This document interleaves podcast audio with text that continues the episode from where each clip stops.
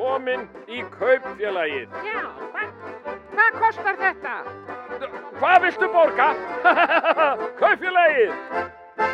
Já, komið þið sæl, hlustundu góðir og velkomin í Kaufélagið. Það er Kaufélagstjórin sjálfur Jóngnar sem helsar ykkur hér frá uh, hlöðunni, hljóðveri uh, í bændahöllinni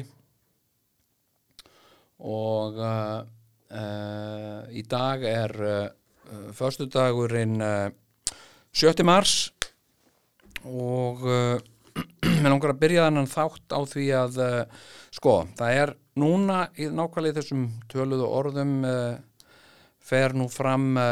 hérna útför Ragnars Bjarnasonar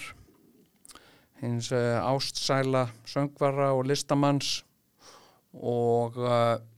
þjóðar gersemar sem að Ragnar Bjarnason var uh, og mér langaði að byrja á því bara að uh, minnast hans. Ég uh, kallaði Ragnar Bjarnason vin minn og uh, og við kynntumst fyrir ætla þessi ekki öruglega 30 ár síðan, síðan við kynntumst og, og, og það gerðist held ég ymmit að með minnir sko, fyrst hér nákvæmlega í bændahöllinni uh, í Súlnasarnum og uh, hér, ég verð að segja ykkur, ég er að taka þetta upp aftur sko. Uh, ég var byrjaður á þættinum og að því að ég er nú rugglaður sko. Og hérna og þegar ég verð þreytur mikið að vinna sem ég er búin að vera að gera undanfarið, ég ætla að það eins og koma inn á það eftir þá verð ég uh, uh, sko aukalega rugglaður og uh, ég byrjaði hennan þátt á því að- minnast Bjarnasonar. Uh, og og hérna og tala um að nú væri útförin hans sem mitt í gangi. En uh, ég kallaði hann ekki Ragnar Bjarnason heldur kallaði hann bara, bara, það var bara einstöku lukka að ég fattaði það. Ég kallaði hann Ragnar Bragason. Og uh, sem er reyndar annar ágættu vinnu minn Ragnar Bragason uh, leikstjóri. Og svona á ég sérstaklega í þreytur þá á ég til að, að, að, að slá saman uh, nöfnum á, á tveim og, og, og jafnvel uh, uh, gera úr því eitt. Og uh, þetta held ég sé bara alveg annarlegt. Þetta er, þetta er svona bara uh, eins og fólk gerir eins og kemur hérna líka inn í þetta einhver, einhver líka einhvað dass af, af lesblindu og, uh, og svona uh, og svona þreytu. Þannig að ég á til að fara fara rámt með, með líka bara eins og sem að gera stundum sko ég var þess að uh, vinna með tvo leik, tveimur leikurum í vikunni sem að heita uh, Jósa og, og Jöri. Og, og hérna og uh, og ég var marg ítrekkað búin að segja sko hérna uh, sko uh, Jör og Jósi. Hérna já ég ætla með Jör og Jósa og Jör og Jósi að gera þetta og hitt og eitthvað svona. Og hérna og þau bentu mér á þetta og sagði nei hérna Jósa og Jöri, já, já, já, fyrir ekki, fyrir ekki og, hérna, og svo gerði þetta bara aftur. Uh, þannig að ég var að flytja hér uh, já, tilfinningna þrungana uh, minningartölu um, um Ragnar Bragason sem að hérna er bara á lífi og, og hérna og er bara í lífi góðu lífi. En uh, já, ég sem sagt uh, ég heiti Rak Ragga Bjarna fyrst hér í Súlunarsal. Uh, þá var ég að skemmta svona með skemmtiatriði á ásáttíðum og, og svona einhverjum veislum og þorrablótum og svona og, og, Raggi var þá gjarnan fenginn sem svona einhver veislustjóri eða, eða hreinlega bara master of ceremonies. Hann náttúrulega fór ótrúna slóðir og uh, hann kannski saði nokkur orð uh, og síðan uh, settist hann niður og glamraði eitthvað á píanó og, og söng jafnvel eitthvað og, og svo fór hann bara stundum af sviðinu og, og hérna létt fólk í friði og, þetta svona þetta starf skemmtikraftana það fer að mjög miklu leiti fram í, í eldúsinu þar, þar er yfirleitt svona aðstafan uh, fyrir okkur eða við eldúsið í eld, eldúskróki stundum. Og, uh, og hérna sem sagt oft sko hverjar 15 mínútur á, á sviði því það kannski klukkutíma hangsinn í eldúsi þar hengum við rækki oft og, og hérna og, og Rækki Bjarnar var náttúrulega algjör höfðingi uh, og var uh, sko mjögst óbóslega gaman að spurja hann út í alls konar hluti, sumargleðina og, og hans lífsferil og hans lífsín og, og hérna og við höfum bara fljótt með góður vinnur og höfum alltaf gaman af því að hittast þegar við fengum tækifæri til að hittast svona, svona það sem við vorum einhversar saman tveir að skemmta. Og uh, og síðan kynntist ég minni ágættu eiginkonu fyrir um 20 árum síðan og, og hérna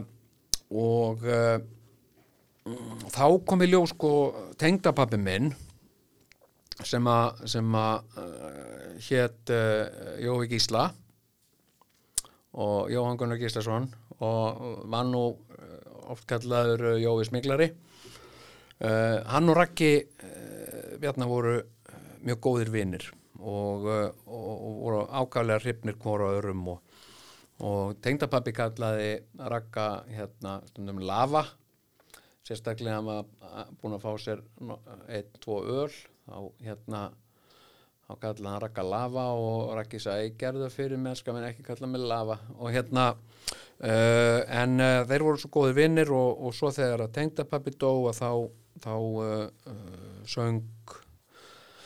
Raggi í, í jarðafurinu hans og hann söng að sjálfsögðu My Way sem var upp á slæðið hans tengdapappa og, og hérna uh, uh, og uh, já og síðan sko uh, hjælt hann uh, svona alltaf uh, sambandi við okkur hjónin það er að segja alltaf þegar þegar Raggi var að gefa út einhverja geisladiska þá, þá kom hann þá, þá, þá fór hann oft um með bílinn fullan af geisladiskum og, og heimsótti svona fasta kuna og við vorum svona fasta kunar hjá hann við keftum alltaf kassa af öllum diskum sem hann gaf út og, og hérna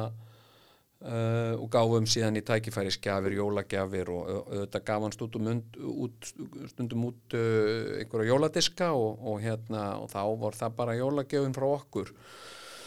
Og uh, og Raggi sko uh, Raggi Bjarna var uh, uh, magnaður listamaður, hann var magnaður einstaklingur og og aldrei man ég til þess að hafa heyrt nokkurt mann halla orði á, á, á uh, og hérna hann var bara virkilega góður og vandaður drengur. Og þannig mun ég alltaf minnast, minnast hans. En hann var líka einstakur uh, listamaður uh, söngvari og tónlistamæður og hérna mm, alltaf gaman alltaf gaman að hitta rakka uh, hérna einu sinni í mjóttinni uh, hérna þá var hann næstu því búin að bakka á mig. Og uh, fyrir nokkrum árum síðan. Þannig að ég sá bara að það var einhver eldri maður á, á svona hægri leið út úr bílastæði. Ég var sem sagt uh, hérna sem sagt sat í bílnum það var sem sagt og búin að drepa á honum og, og hérna og ég sé að það er gammalt maður að bakka svona út úr stæði og ég sé hann allar bara bakka á mig. Þannig að ég ég sko stekk til og, og hérna opna hurðina og öskra á hann að stoppa. Og hann gerir það. Og hérna og, uh, og kemur út og, og hérna og sér hvers er hva, hverskins er og hérna en verður svona opbúslega gladur að sjá mig og ég var nú ekki síður gladur að sjá hann. Og eru þetta miklir fagnaðafundir og, uh, og það var svo gaman að að rekast svona á Ragga og hann var alltaf glað, alltaf gefandi og skemmtilegur og, og hérna og við uh, höfum um svo margt að tala og við náttúrulega teppuðum umferð þarna teftum umferð þarna á bílastæðinu þannig að það voru þrýr, fjóri bílar í sittkórum einu við okkur áður en við hættum að tala saman og, og hérna og, og, færðum okkur. En alltaf bara indislegur og uh, blessu sem minning Ragga Bjarna. Bara já, þetta var nú uh, nú ágætis ingangur og það er líka bara þessi stund eins og ég segi. Það er bara útförin hans er að fara fram í þessum töluðu orðum og, og uh, eins og margir vita þá þá fór hún eða fer og fór fram í Kýrþei og ég get sagt ykkur skemmtilega sögu frá því. Þegar að ég var í, í uh, var í uh, tökum á dagvaktinni sem var tekin upp í Ótil Bergalundi sem að, uh, var uh, staður sem að faði minn heitin hafði mikið dálæti á. Og hann átti þátt í að að byggja uh, hérna um, já að byggja húsið Bjarkarlund og uh, bæði, bæði beint og óbeint sem, sem bara meðlemur í barstendingafélaginu og, og hérna uh, og uh, og svo var pappi minn fættur bara þarna rétt hjá á, Reykjólum, á hyrningsstöðum á Reykjólum og uh, og hérna og hann fættist það, hann, hann fættist í Torfkóa og ekkert meira nýja minna. Það var bara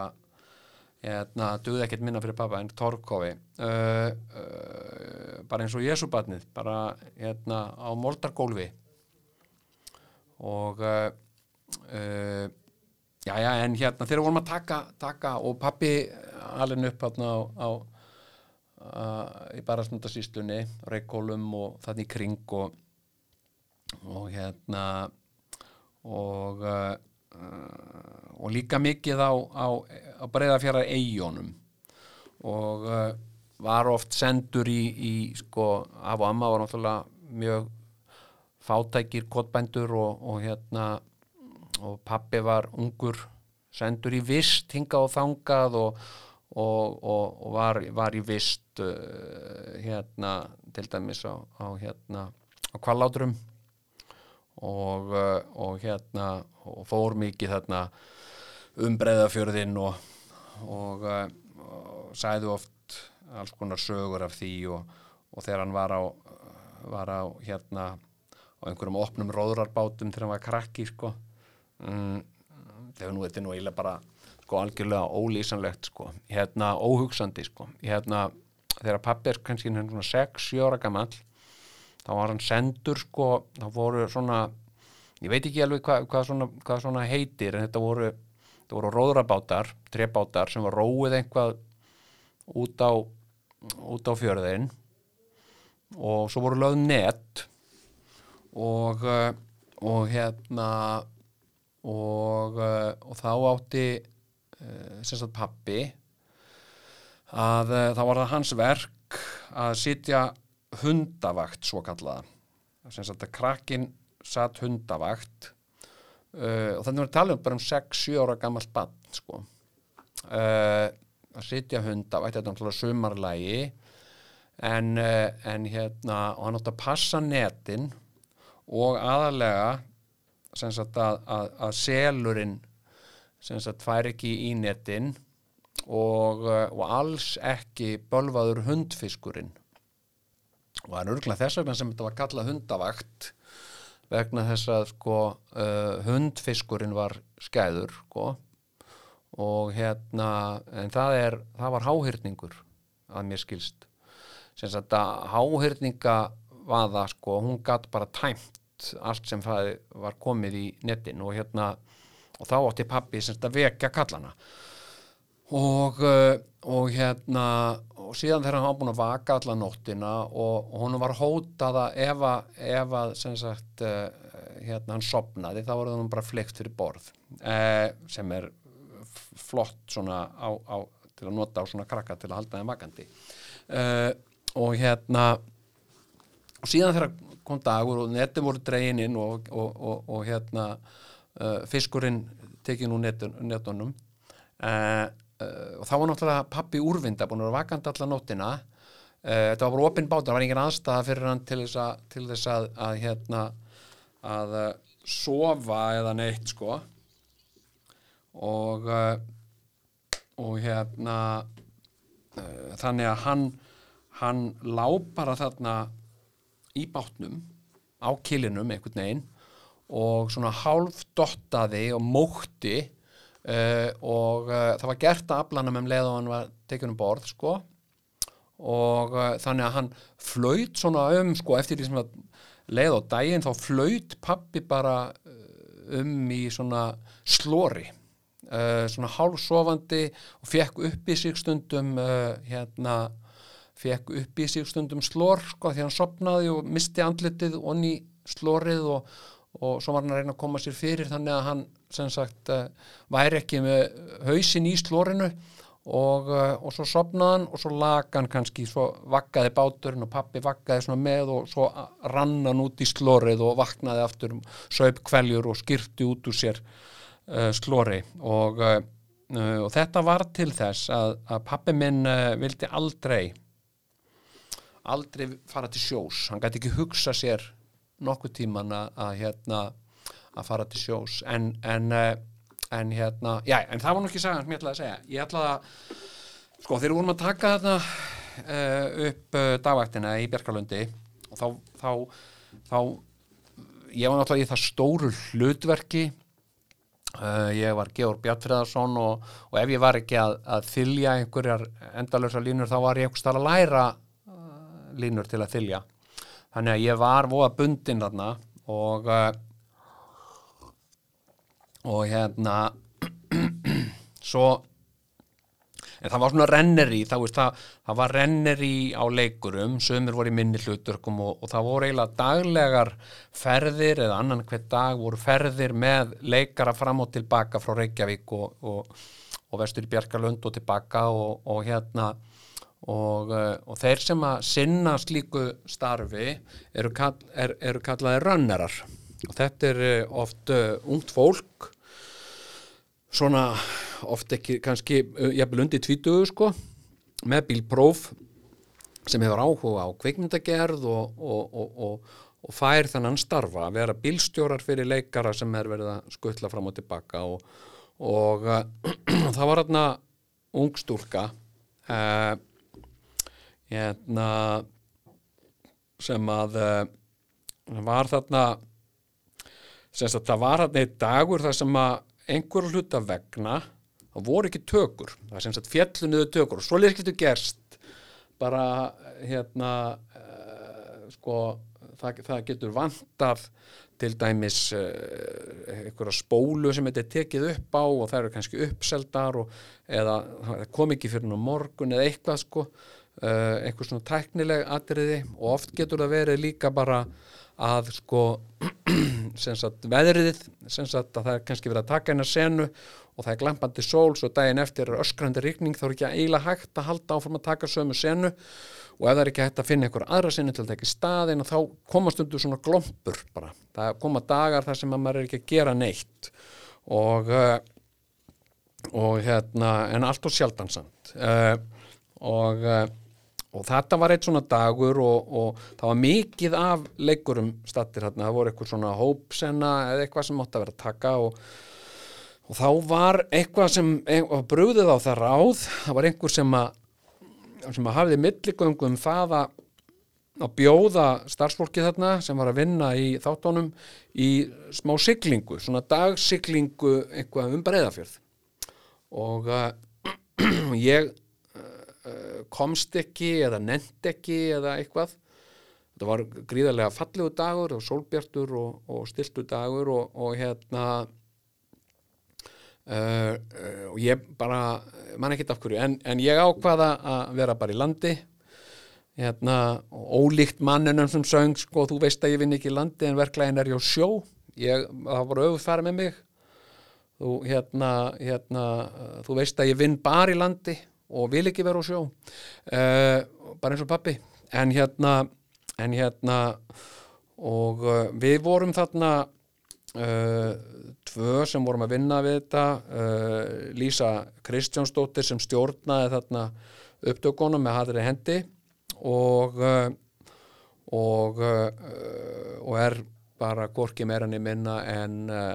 hérna aðstofakona Katrínar Jakobsdóttur í dag uh, og uh, við stóðum hérna tvö og, uh, og það var hérna ung stúlka sem ég þekktu nú ekki deili á sem var eitthvað svona í því að skuttla fólki og, og uh, við erum eitthvað svona spjalla saman hérna stöndum hérna út á hlaðinu og, og hérna og,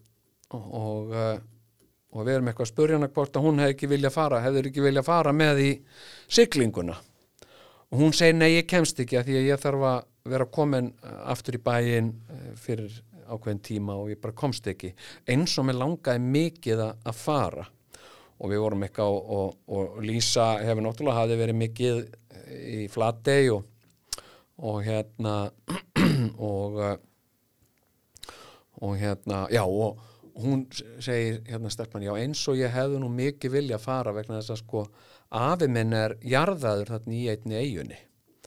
og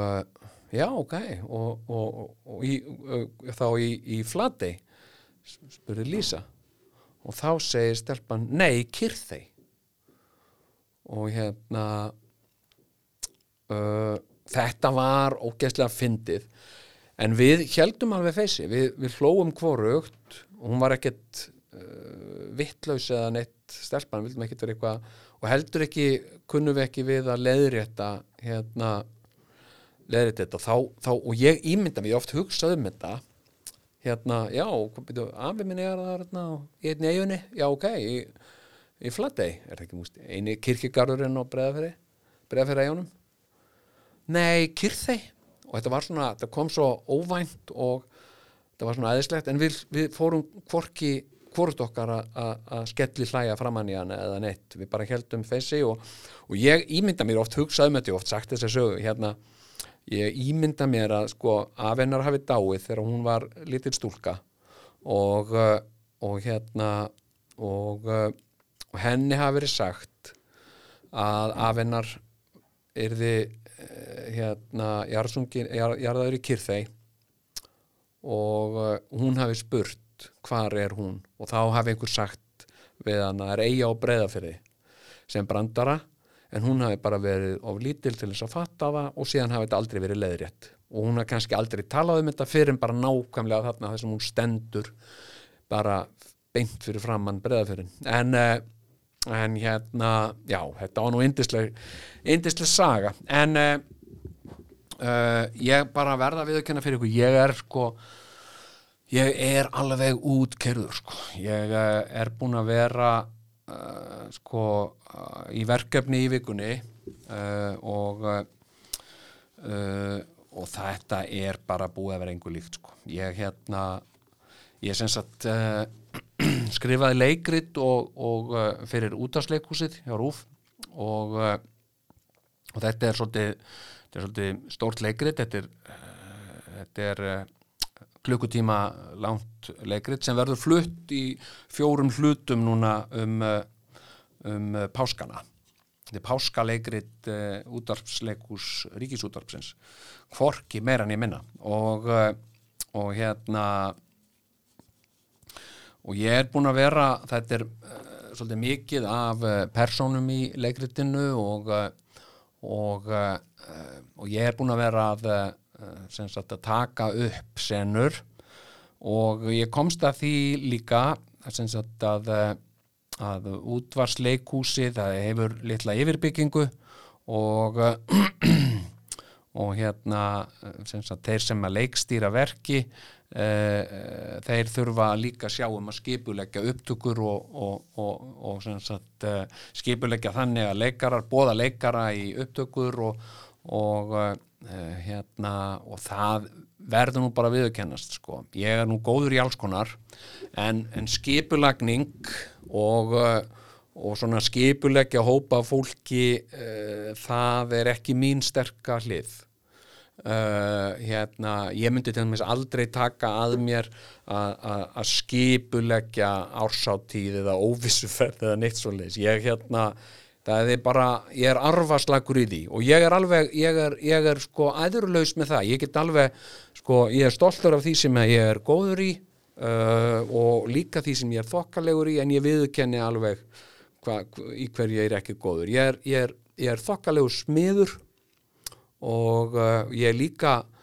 þokkalegur uh, pípari. Uh, hérna ég er uh, ég er sko sæmilegur rafvirki sæmilegur uh, en ég er afleitur málari.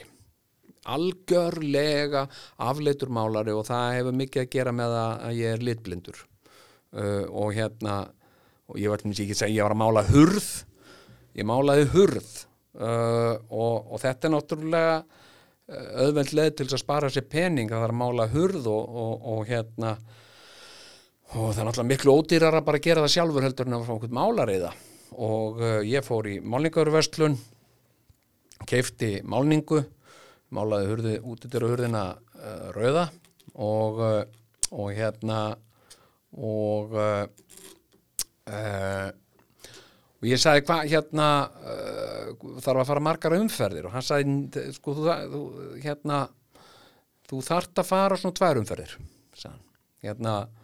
og ég, sko, hurðin var hvít og ég var að fara að máluna rauða og ég sá, ekki, sá ekki að þetta erði mikið vandamál. Ég þekki alveg munin á rauðum og hvítum ég get alveg séð það. Uh, ég á erfið að mér að sjá munin á rauð og grænu og það, það fyrir allt eftir sko uh, byrtu skilirðum og svona. Og uh, síðan síðan sko já, tvær umferðir. Og ég búin að segja konunum minni þetta þetta er, þetta er sko þetta, er, ég, ég, ég er þetta um helgina sagði ég, hérna, þetta er sko fer eina umferð á, á, á laugadeginum og læta svo þotna á mála svo aðra umferð á sunnudeginum og það er bara komið. Já, bara frábært sá, hann, miklu, frábært að eiga sko, eiga svona mann sem getur gert svona alls konar hluti og já, já, hérna það er ég. Og hérna, en ég sem sagt uh, málaði hurðina rauða og uh, og hérna og þá hafði ég ekki lengur sko hvítalitin til að bera við, nú var hún öll orðin misjaflega rauð, en misrauð samt. Og sumstaðar voru svona helgidagar og, og skellur þar sem ég hafði glemt að mála eða ekki, einhvern veginn ekki málast yfir. Þannig að uh, hérna uh, ég fór, fór aðra umferð yfir og, og fór þá sérstaklega vandlega yfir alla blettina sem ég sá sko. en þá náttúrulega gerist það ég sá ekki munin á sko, þurrurauðumálningun og blöyturauðumálningunni uh, þannig að ég þurfti að sko, til þess að ganga úr skuggan þurfti að pota með puttanum til að sjá hvar blöytamálningin væri sko. og uh, ég er bara svona hryllilega litblindur og hérna og já sagt, en það er skennst frá því að segja ég málaði þessa hurð átta umferðir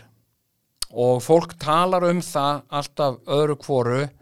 að gerist það þegar einhver gengur um þessa hurð að þá hérna uh, sagt, þá hefur fólk á, á, á orði að þetta sé ítla málað og það þurfti nú að mála þetta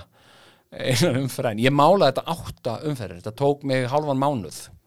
Uh, og með, með alls konar tilherrandi óþægindum fyrir fólk sem var að ganga það um sko, hérna blöyt málning og, og ég vissi náttúrulega hvað hvað var blöyt og hvað var þurrt og hérna, þannig að þetta var alveg þetta var alveg uh, þetta var alveg agalegt sko, en, uh, en hérna já, skipulagning er ekki alveg mitt mitt sterkasta fag. Ég Uh, sko, og ég, sko, ég ætla nú bara að segja eitthvað frá þessu, hérna, sko, hvernig svona gerist, uh, já, ég sem sagt uh, skrifaði leikrit, mér finnst það ekkert mál. 100 blasjur, 200 blasjur, 500 blasjur ég, ég get alveg, ég get fabulerað svona endalust búið til manneskjur og búið til aðstæður og, og þetta rennur nokkuð fyrir hafnarlust upp úr mér, finnst mér. En hérna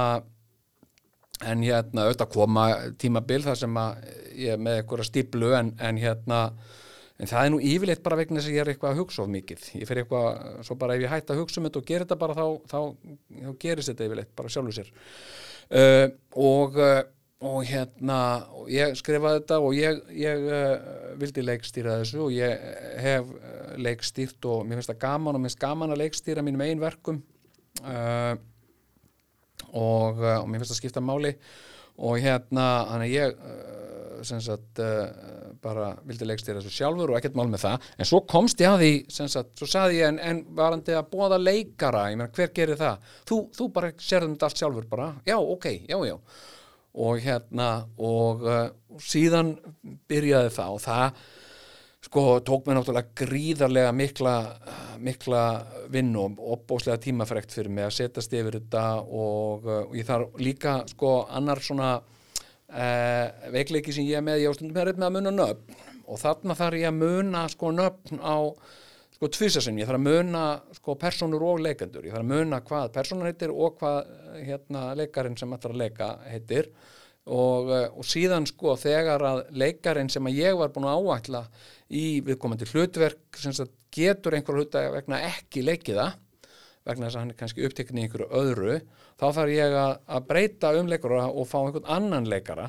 Og þannig er ég, þá er ég komið þrjúnöfn til að munna og, uh, og þetta er nú bara nokkurn veginn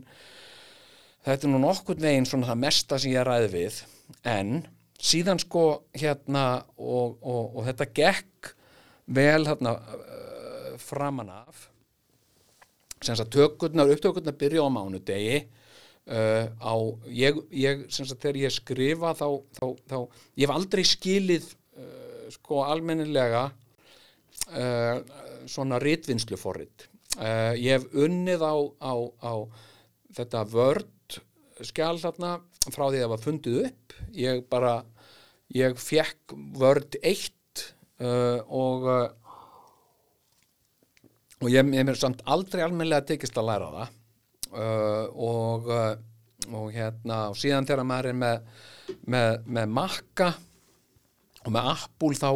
þá, hérna, þá, þá er það annað og það er fórið sem heitir Pages og, og, og ég heldur aldrei kunnað á það og svo er, er það líka bara vesen. Sumir sem að, sem að sko, erum með PC-12 þeir get ekki opnað Pages skjöl þannig að þetta er vesen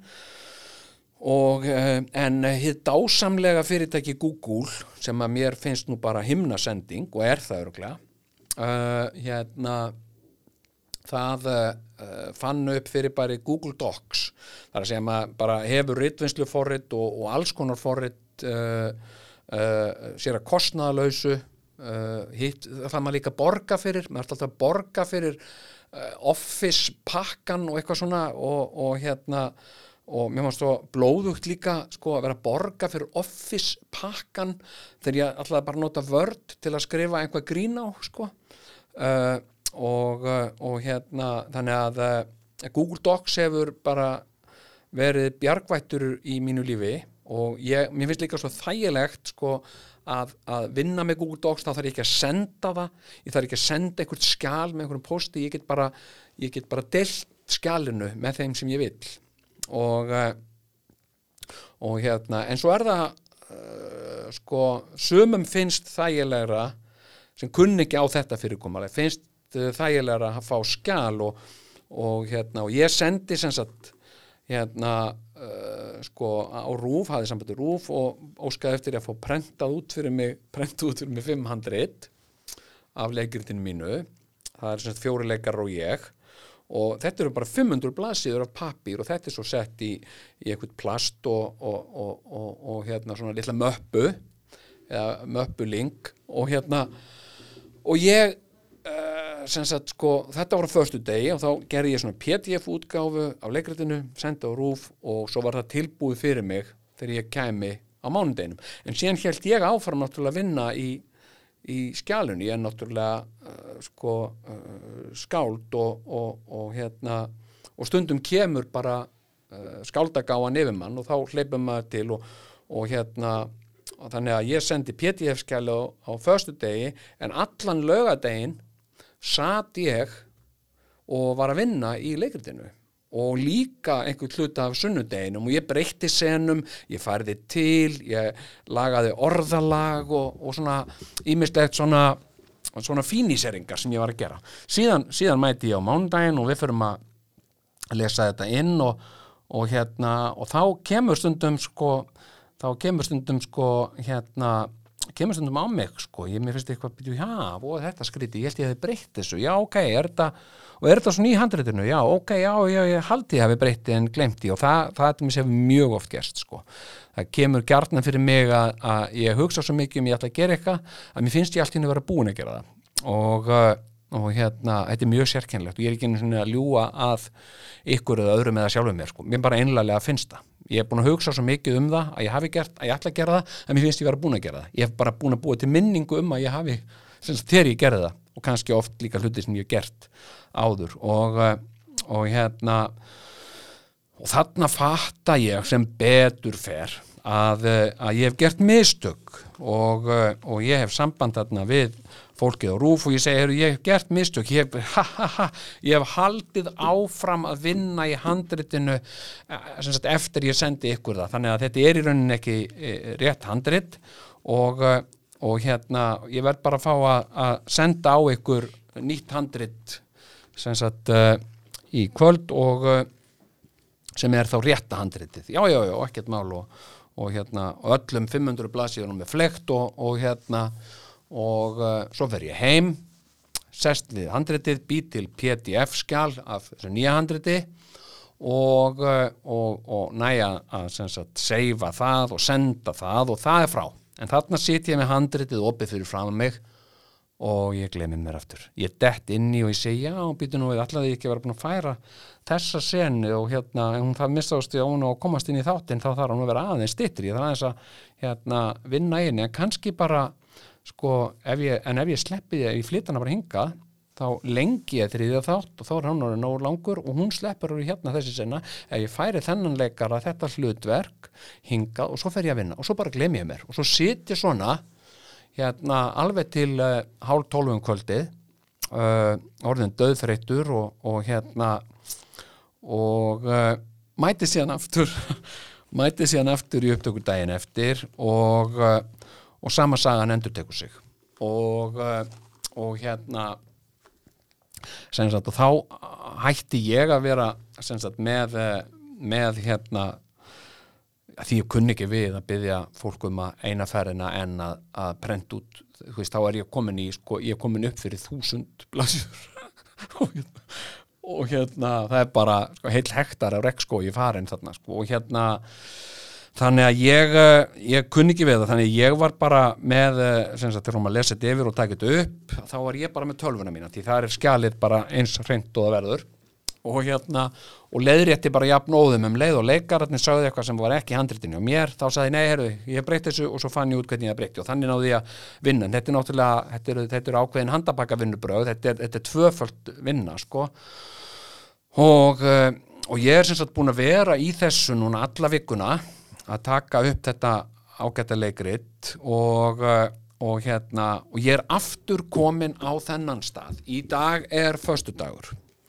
og ég er komin með nýtt handrit en ég er búin að læra það, ég ætla ekki að senda að gera pdf af handritinu í dag og, uh, og, og senda það heldur ætla ég að uh, gera það bara seint á sundarskvöldið og konan mín ætla mér að segja minna mig á það að hérna senda pdf til prentunar og ég er ekki enþá búin að segja fólkinu að ég þurfi að byggja um nýja prentun sko. Þannig erum við farin að slaga í 2000 blaðsýður sko, sem að ég, hérna, þetta er orðin sér kostnæðarliður, bara pappiskostnæður við þetta leikrit. En, uh, en þetta er frábært leikrit og, uh, og ég er búin að ganga með þessa hugmyndi í maganum nokkuð lengi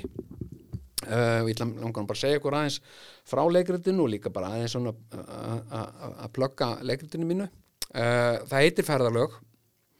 og það gerist á tíma Uh, uh, hérna óskilgreyndum tíma. Uh,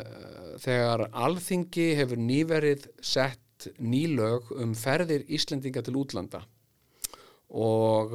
lögin eru sett af, af þeirri ástæðu í upphafi að þau komi í veg fyrir það að, að ungar konur sagt, ungar mæður geti sagt, farið til, eh, til Sýrlands til að ganga þar til liðs við hriðiverkarsandug og, uh, og það er svona í, í upphafi tilgangur lagan en síðan fer svona ímest þetta bætast á lögin. Þau eru, þetta eru öryggislög uh, og, uh, og hérna og það kemur náttúrulega aðeins inn í þetta koronavírusin uh,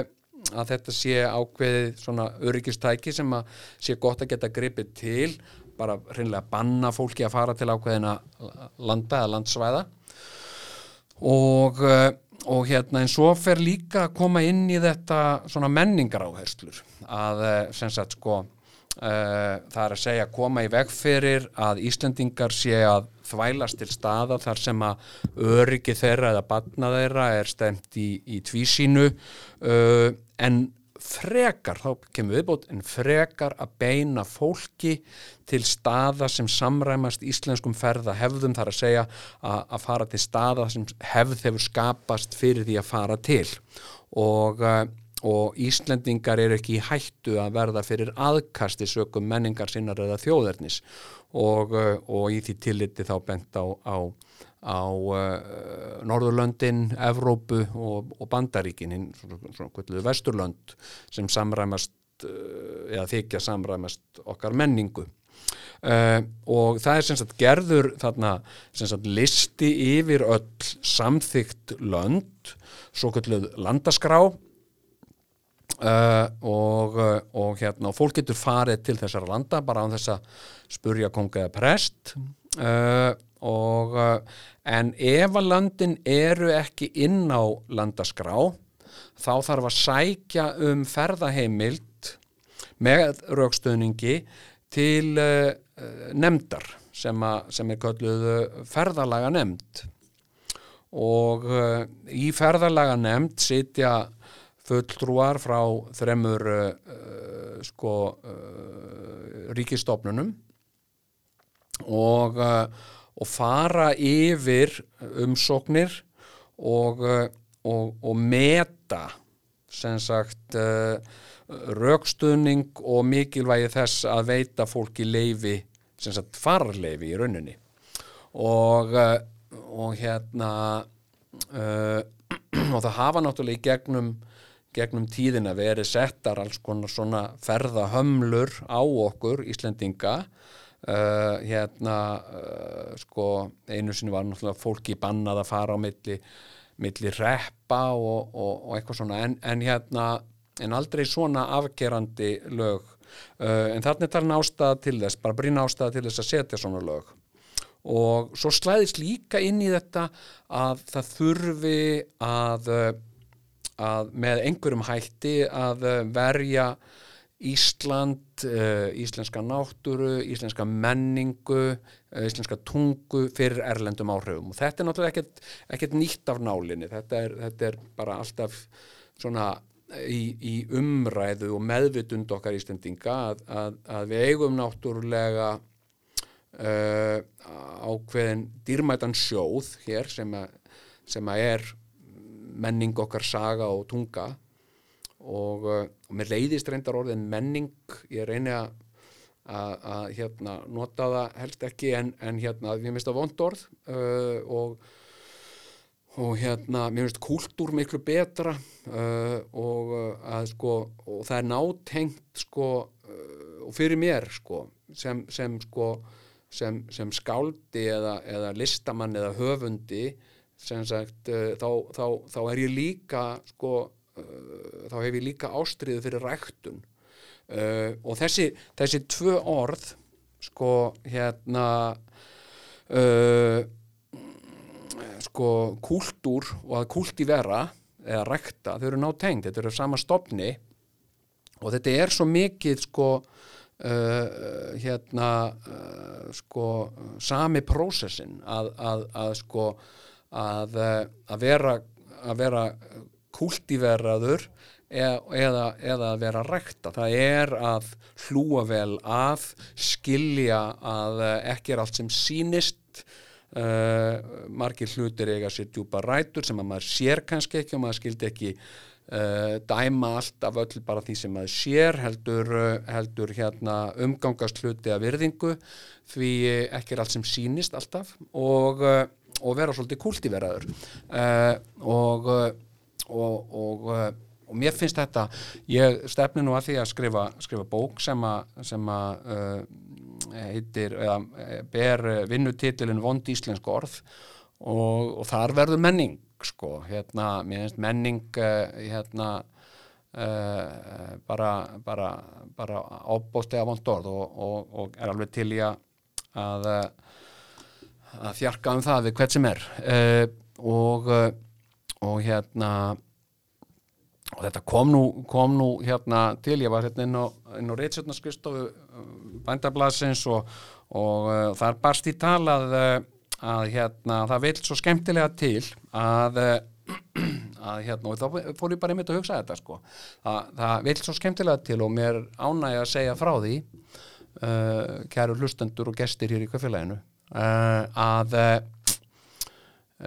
ég sótti um yngöngu í, í Listaháskóla Íslands. Ég sótti um að komast í semst, alþjóðlegt mastersnám í sviðslistum og með höfuð áherslu á leikritun og, uh, og mér langar að, uh, að svona skerpa þess á mér sem, sem uh, leikskáldi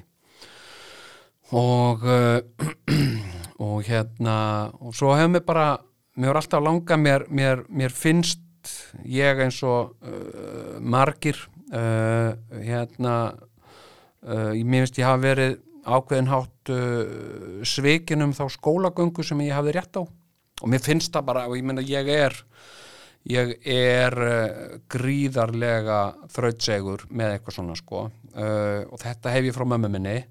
Mamma var óbóðslega langrækin og, og gríðarlega þrautseg kona. Uh, og allt hennar fólk sko. Enda, enda hérna uh, sko frá, frá hérna runnamannreppi uh, og rosalega þrautsegt fólk. Uh, hérna og uh, eða ekki úr runnamann, jú, hérna ykkur staðar, jæja, hérna og uh, mamma til dæmis sko þegar, þegar var verið að stríða mér í skólanu ég var krakki og, og hérna og uh,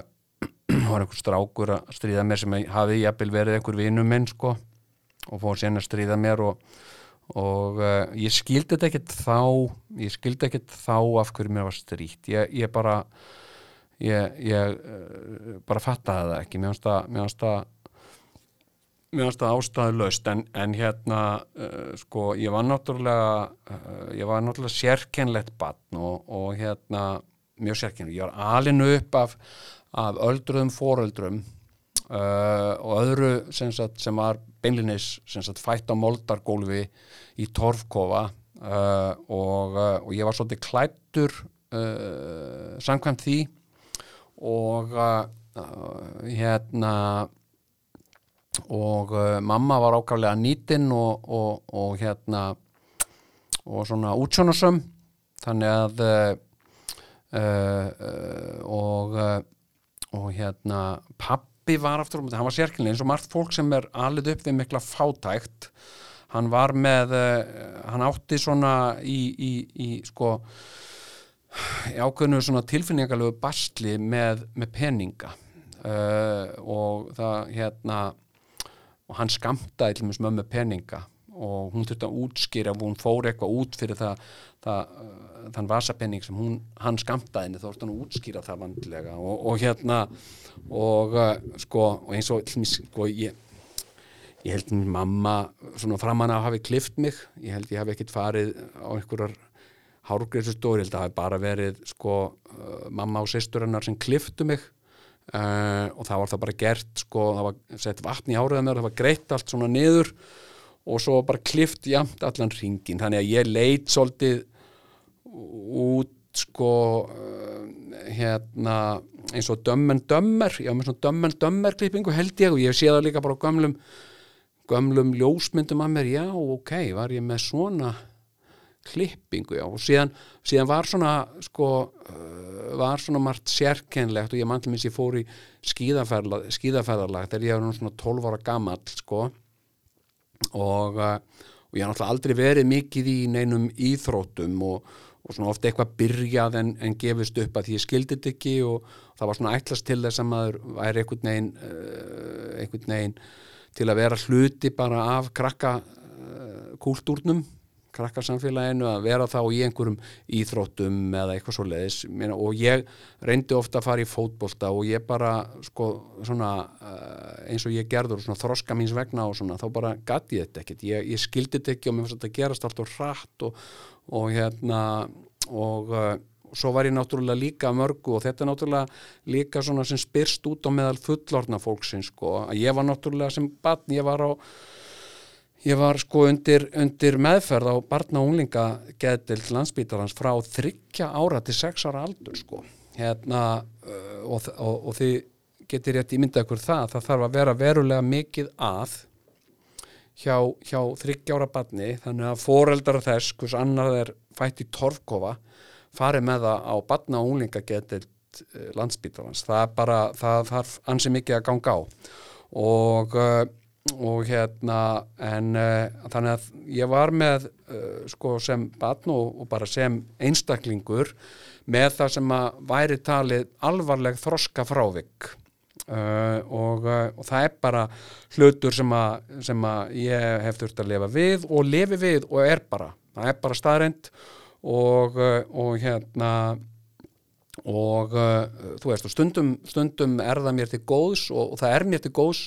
í þeirri vinnu sem að ég er í alla jafna, svona að vera skapandi eða vera skemmtilegur eða, eða hérna uh, fara óvennilegar leiðir eða eitthvað svo leiðis en svo getur það líka verið til trafala í svona þessu hefðbundna lógíska lífi uh, og, uh, og hérna uh, og það bara, já já þetta, og þá ég það til að, að svona falli einhverja sjálfsvorkun út af því. Ég áða alveg til, hérna barma mér yfir þessu og,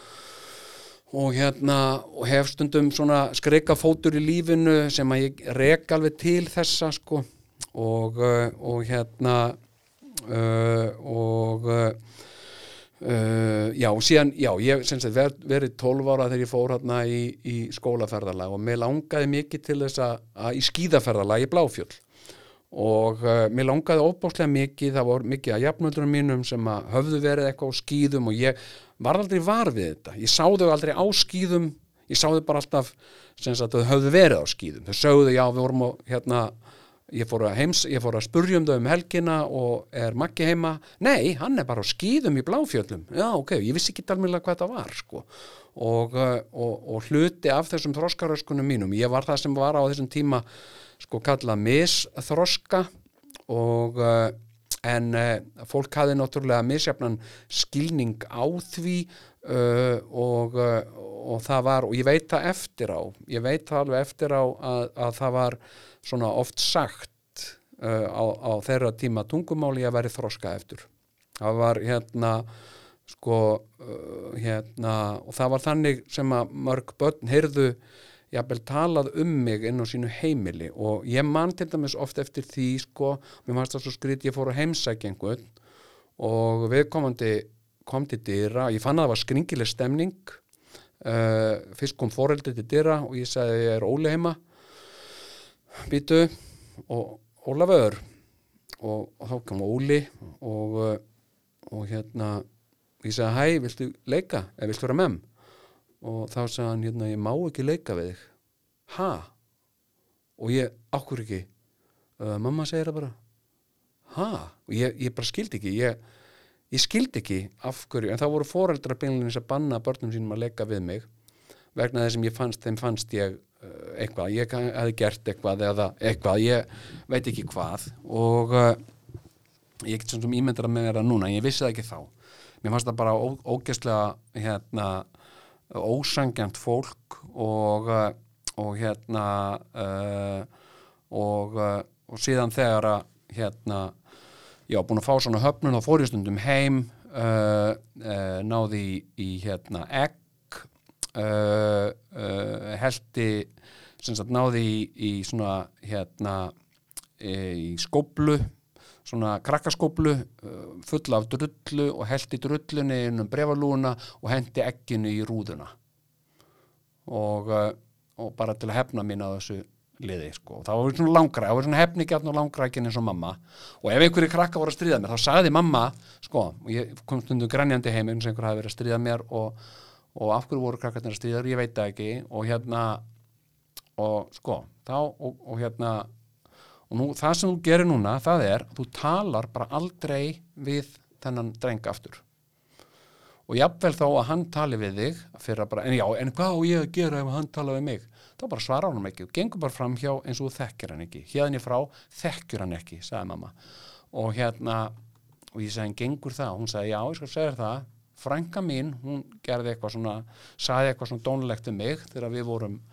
16 ára og ég hef ekki talað við hana síðan, ég hef ekki talað við hana í 40 ár, eitthvað svona og bara, mér fannst þetta svolítið harkalegt sko, uh, en hérna já já, ég fór í skíðaferralag uh, og mér langaði í það sem þurfti til þess að vera á skíðum. Og uh, og mamma uh, og pappi eða pappi fóru með mig í, í sportmarkaðin sem var svona verslun hérna í Reykjavík sem seldi notaðar notaðar svona íþróttavörur sportmarkaðurinn, það var þetta að fá ódýr skíði og uh, skíðaskó og og hérna uh, og síðan voru keft á mig sko ný skíðaglerugu að þeim að þurfti að hafa það. Og ég var líka sagt, með glerugu, ég hef aldrei getað skíða neitt í slittu eða neitt sko, ég var að hafa skíðaglerugu og mér fannst það líka mikið möst að vera með skíðaglerugu þannig að það voru keift á mig ný skíðaglerugu og, og sko gott ef ég fekk þetta bara ekki í sko uh, hérna í ammæliskjöf eða eitthvað svo liðs uh, skíði og, og skíðaskó og, og skíðagleru og skíðastafi. En síðan þegar til kastana kom og þá fattaði ég að ég átti ekki sko ég átti ekki skíðagalla. Það er algjörlega, ég hafði ekki fattað að það væri hluti að þess að maður þyrfti eitthvað sérstaklega galla. Og ég var að spurja mig hérna, ég var að segja, já ég var eitthvað skíði maður, hérna, á hvernig skíði Rossinól, sem var alveg flott sko. Og hérna, það var flottustu merkin voru Rossinól og K2 og hérna og Rossinúl, já ok, og bara allir kinguðu kolli við því. En ég átti einhvern skýða galla og ég sagði mömmu, það hérna ferðin er bara á morgun og ég á einhvern skýða galla. Og mamma sagði við rættum því nú. Og hérna og fórum nýri geimslu og náði í, sem sagt, ég var nefnilega mikið á skýðum þegar ég var ung stúlka og á skautum. Og hérna og gaf mér, let mér fá sem sagt, gömlu skíðaböksunar sínar sem voru svona, uh, næ, svona þykkar nælonleggings með, með rennilás á öklunum. Og hérna sko uh, hérna og þetta var eitthvað svona sem var í tísku hjá ungum konum á 15 og 17 áratögnum upp úr styrriði og hérna uh, og sagt, og þær voru sagt, ekki með voru ekki með það voru ekki með buksnaklauf heldur voru bara með tegju í mittinu og, og mér fannst þetta vera sagt, skíðabuksur ég, ég hugsaði ekki bara já, vá, ákveðl flott og svartar. Og hérna og hérna og síðan vantaði skíðahúfu og þá átti pappi sagt, forláta húfu sem hann hafi fengið að gjöf þegar hann fór með lögreglukórnum í söngferð til Þránteims og, uh, og það var svona eldröð uh, húfa sem stóð á stórum stöðum framann á Norge. Og þetta var forljót húfa sko. Og uh, ég var bara eins og ofvaksinn garðalfur í, í þetta er náttúrulega bara sko þetta er náttúrulega bara með eindæmum sko. Ég var sem sagt í í, í gamlum skíðaböksum á mömmu minni með uh, gjöf sem uh, húfu frá pappa mínum á höfðinu og síðan í bara einhverju einhverju gefjunarúlpu sko. Ég átti enga skíðaúlpu þannig séð sko. Og síðan hérna fórum við í, í hérna í rútuna sem fórum við okkur upp í Bláfjöll og þetta er sko einhver erfiðasta rútuferð sem ég hef nokkuð tíman farið sko. Því að það var öll, allir krakkarnir í rútunni voru að spurja mig út í það, það, þegar fólk, krakkar voru að lappa fram hjá mér til að setjast og störðu þau bara þau, þau, þau, þau horfðu tvisa sinnum á mig sko. Hérna og uh, og hérna hvernig buks, hérna, buksur er þetta? Sagði einhver og ég segi uh, mamma minna þar. Og þá var einhver stelpa sem sagði, ha, er þið buksum að mömmuðinni uh, já, ég sá ekki aðtöður til það. Þá, og ég bara horfði svona á þær og sagði bara, já. Og þá sagði einhver stelpa ah, ertu kannski nærbuksum af mömmuðinni líka? Og það fór allir að hlæja. Og, og síðan alltaf stóð sko, stórum stöfum framan á mér Norge og, uh, og síðan kom náttúrulega bersínlegu ljós í bláfjöllum að ég hefði aldrei áður stíð á skýði ég kunna ekkert á skýði og, uh, og hérna en það voru hérna krakkar og ég var ekki svo sem ekki einn um það. En það voru hérna krakkar sem voru ekkert einu með skýði eða neitt, voru ekkert að þykjast þú veist, mér langaði virkilega að vera með. Mér langaði að vera þú veist, mér langaði bara að vera hluti af þessu mér langaði að upplifa að vera gaman og vera með á skýðum og svona en, en hérna, ég var þarna með skýði ég hafði bara aldrei uh, sagt, verið í snjó. Ég hafði lappað út í gardi ég lappaði bara á þeim út í gardi og, og reyndi að renna. Með svona smá halli í gardinum hjá okkur og ég rendi mér það niður og mér fannst ég bara flottur sko að því ég dætt ekkert sko. Þetta var alveg þryggja metra halli og uh, og hérna þannig að ég uh, ég hérna uh, sko var þarna eitthvað í badnabrekkunni og var mikið að detta en ég var með skíðaglerugun og en ég náttúrulega sem sagt hérna aðri krakkar náttúrulega bara og meira segja krakkar úr öðrum skólum sko hlóað mér sem krakkar sem þekkti mikið neitt sko og hérna og, og leðinni heim sem er önnur vestarútuferð sem ég farið í uh, þá var sem sagt komið sko gælunafni Jónsi, ég var kallaðið náttúrulega Jónsi sem krakki og þarna var komið á mig uh, uh, hérna það var farið að kalla mig hérna viðurnefni, já, Jónsi Norge. Ei, Jónsi Norge og ég var orðin mjög reyður þarna sko, mér fannst þetta bara allt eitthvað svo ósangjant og astnalegt uh, að ég skildi þetta ekki, ég skildi ekki af hverju gátt ekki látið mér í friði og hægt bara þessari stríðinni og af hverju mátti ekki bara vera með og uh, hérna, þú veist, ég var aldrei að meiða neitt, ég var ekki, að, ég var ekki leiðinlegur við neitt hannig sko, mér, ég uppliði það ekki. Og, uh, og hérna og sem sagt og eftir þessa skíðaferð hérna þá fannst mér verða svona kvörf í mínu lífi. Ég hérna, þú sé á 12 ára og, uh, og hérna og mér langaði ekki að fara úti inn í lífið sem Jónsi Norge. Mér langaði að vera eitthvað þú veist, eitthvað annað töff og meira sko. Og hérna uh, og það voru bara ákveðin kvörf og ég held að þetta með þessi skíðaferð hafi haft mikið að gera með það að ég ákvað setna bara ári síðar að, að, að verða pöngari, ég held það. Ég hérna, sko ég bara það var að skásta sem ég einhvern veginn skásta sem ég gat, sko, rauninni eina sem böðst mér, sko. Og uh, og hérna uh, já, sem sagt, já ég var að tala þarna um uh, um þessar, þessar, þessar þroska raskanir og, og sko uh, en ég hef síðan bara með aldrinum auðvitað fullt að þessu sem ég held að myndi eldast af mér en þetta gerir það nú ekki maður lærir að lifa við þetta maður lærir að díla við þetta en þetta, þetta er mistátt ekki í mínu tilfelli skána neitt og, og, og ég hef verið á, á alls konar uh, livjum í gegnum árin. Ég hérna sko þegar ég var batna mamma sagt, hafði ekki trú, hún treyst ekki læknum, hafði ekki trú á læknum og uh, fór helst ekki til læknis og, og hérna það var verið að mæla með livjagjöfum fyrir mig, hún vildi aldrei heyra neitt á það minnst. Og, og ég er sko uh, ég er bara sko satt best að segja, þá er ég mömmu þakklátur fyrir það. Að hérna sko ég fór sjálfur að, að, hérna, að fykta við liv þar að segja ég byrjaði í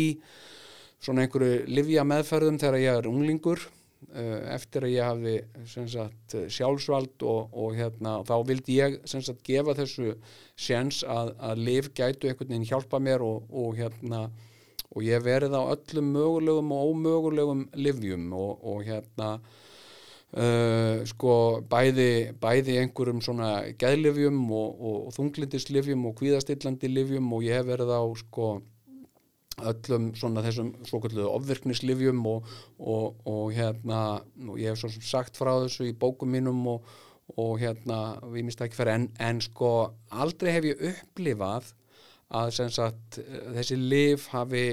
hjálpað mér. Ég, ég, mér sko og þau, þau, þau breyta mér uh, og hérna gera mig uh, svona ótengdan sjálfu mér einhvern veginn og ég er miklu bara sáttari. Sko ég hef reynda bara að lifa í sátt við sjálfan mig eins og ég er og með, með, með kostum mínum og með gollunum líka. Og þeir kostirnir eru náttúrulega yfirleitt sko það er auðveldar að, að, svona, að fara með kostinamanns maður, maður, maður er í elementinu sínu en, en hérna en uh, gallarnir eru þingri og, uh, og það eru alls konar örðurleikar sem eru ekki í kostunum og, og, uh, og ég hef reynda að bara horfast í augu við þetta og og hérna takast á við þetta hérna sko það er hluti af því er að sko sagt, fara ekki í sjálfsvorkun kenna ekki öðrum um að vera sagt, ætlast til einhvers af mér sem að ég get ekki gert. Eða þá sko að dæma mig eða til dæmis eins og ég þurfti bara að taka sérstaklega vel á því til dæmis þegar fólk verður sko sárnar við mig eða reyðist við mig einhverju sem að ég hef gert eða sagt uh, sko í fljótfærni eða hugsunarleysi til dæmis að ég ætla að, að vera einhver staðar á einhverjum tildeknum tíma og fólk er að býða til mér og ég kem ekki vegna sem ég er búin að glema þessu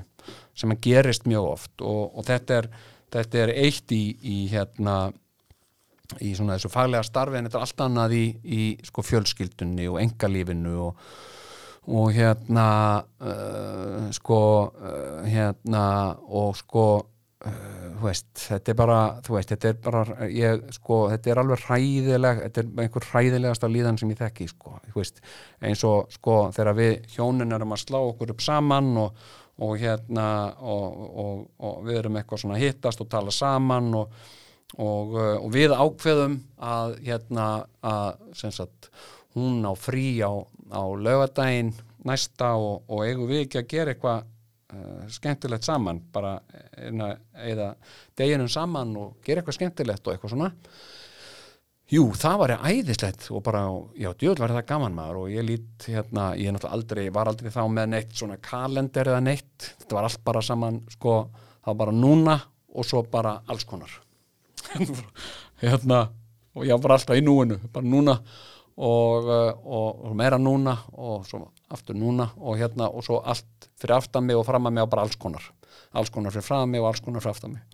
Og, eh, og hérna uh, og síðan sko á lögadeginum sko svo, svo kannski nokkur dögum setna þá er ég uh, ég og hérna uh, Sigurjón Kjartansson bennur um að vera veislustjórar einhver staðar Vopnafyrði eða Grenivík eða eitthvað. Og hérna og bara, heyrðu, já, jú, gerum það. Og hérna og uh, við fyrir þóka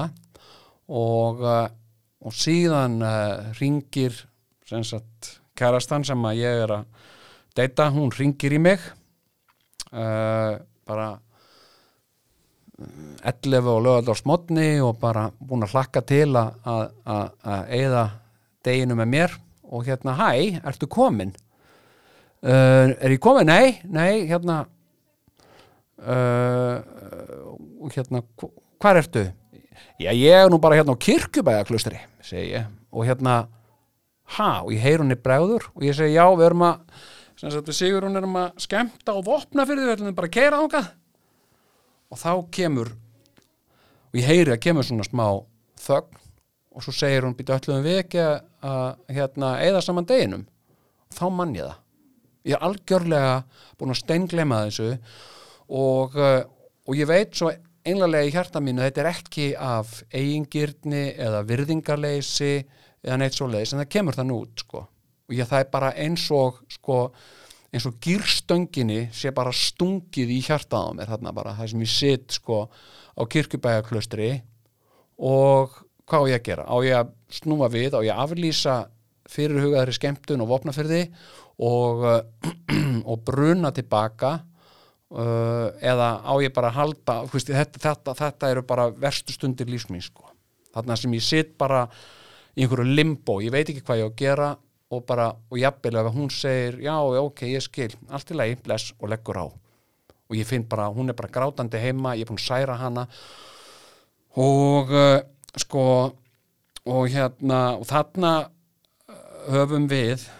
við sem erum svona gerð eins og ég við höfum tilneyingu til þess að því að sársökin er svo mikill yfir þessu og við vitum sjálf einlaglega við öllum ekki að gera þetta. Við öllum, við höfum engan illan ásetning við erum bara eins og stundum í kollinum eins og lítið batn við öllum ekki að, að við erum bara óvitar. Og uh, þá stundum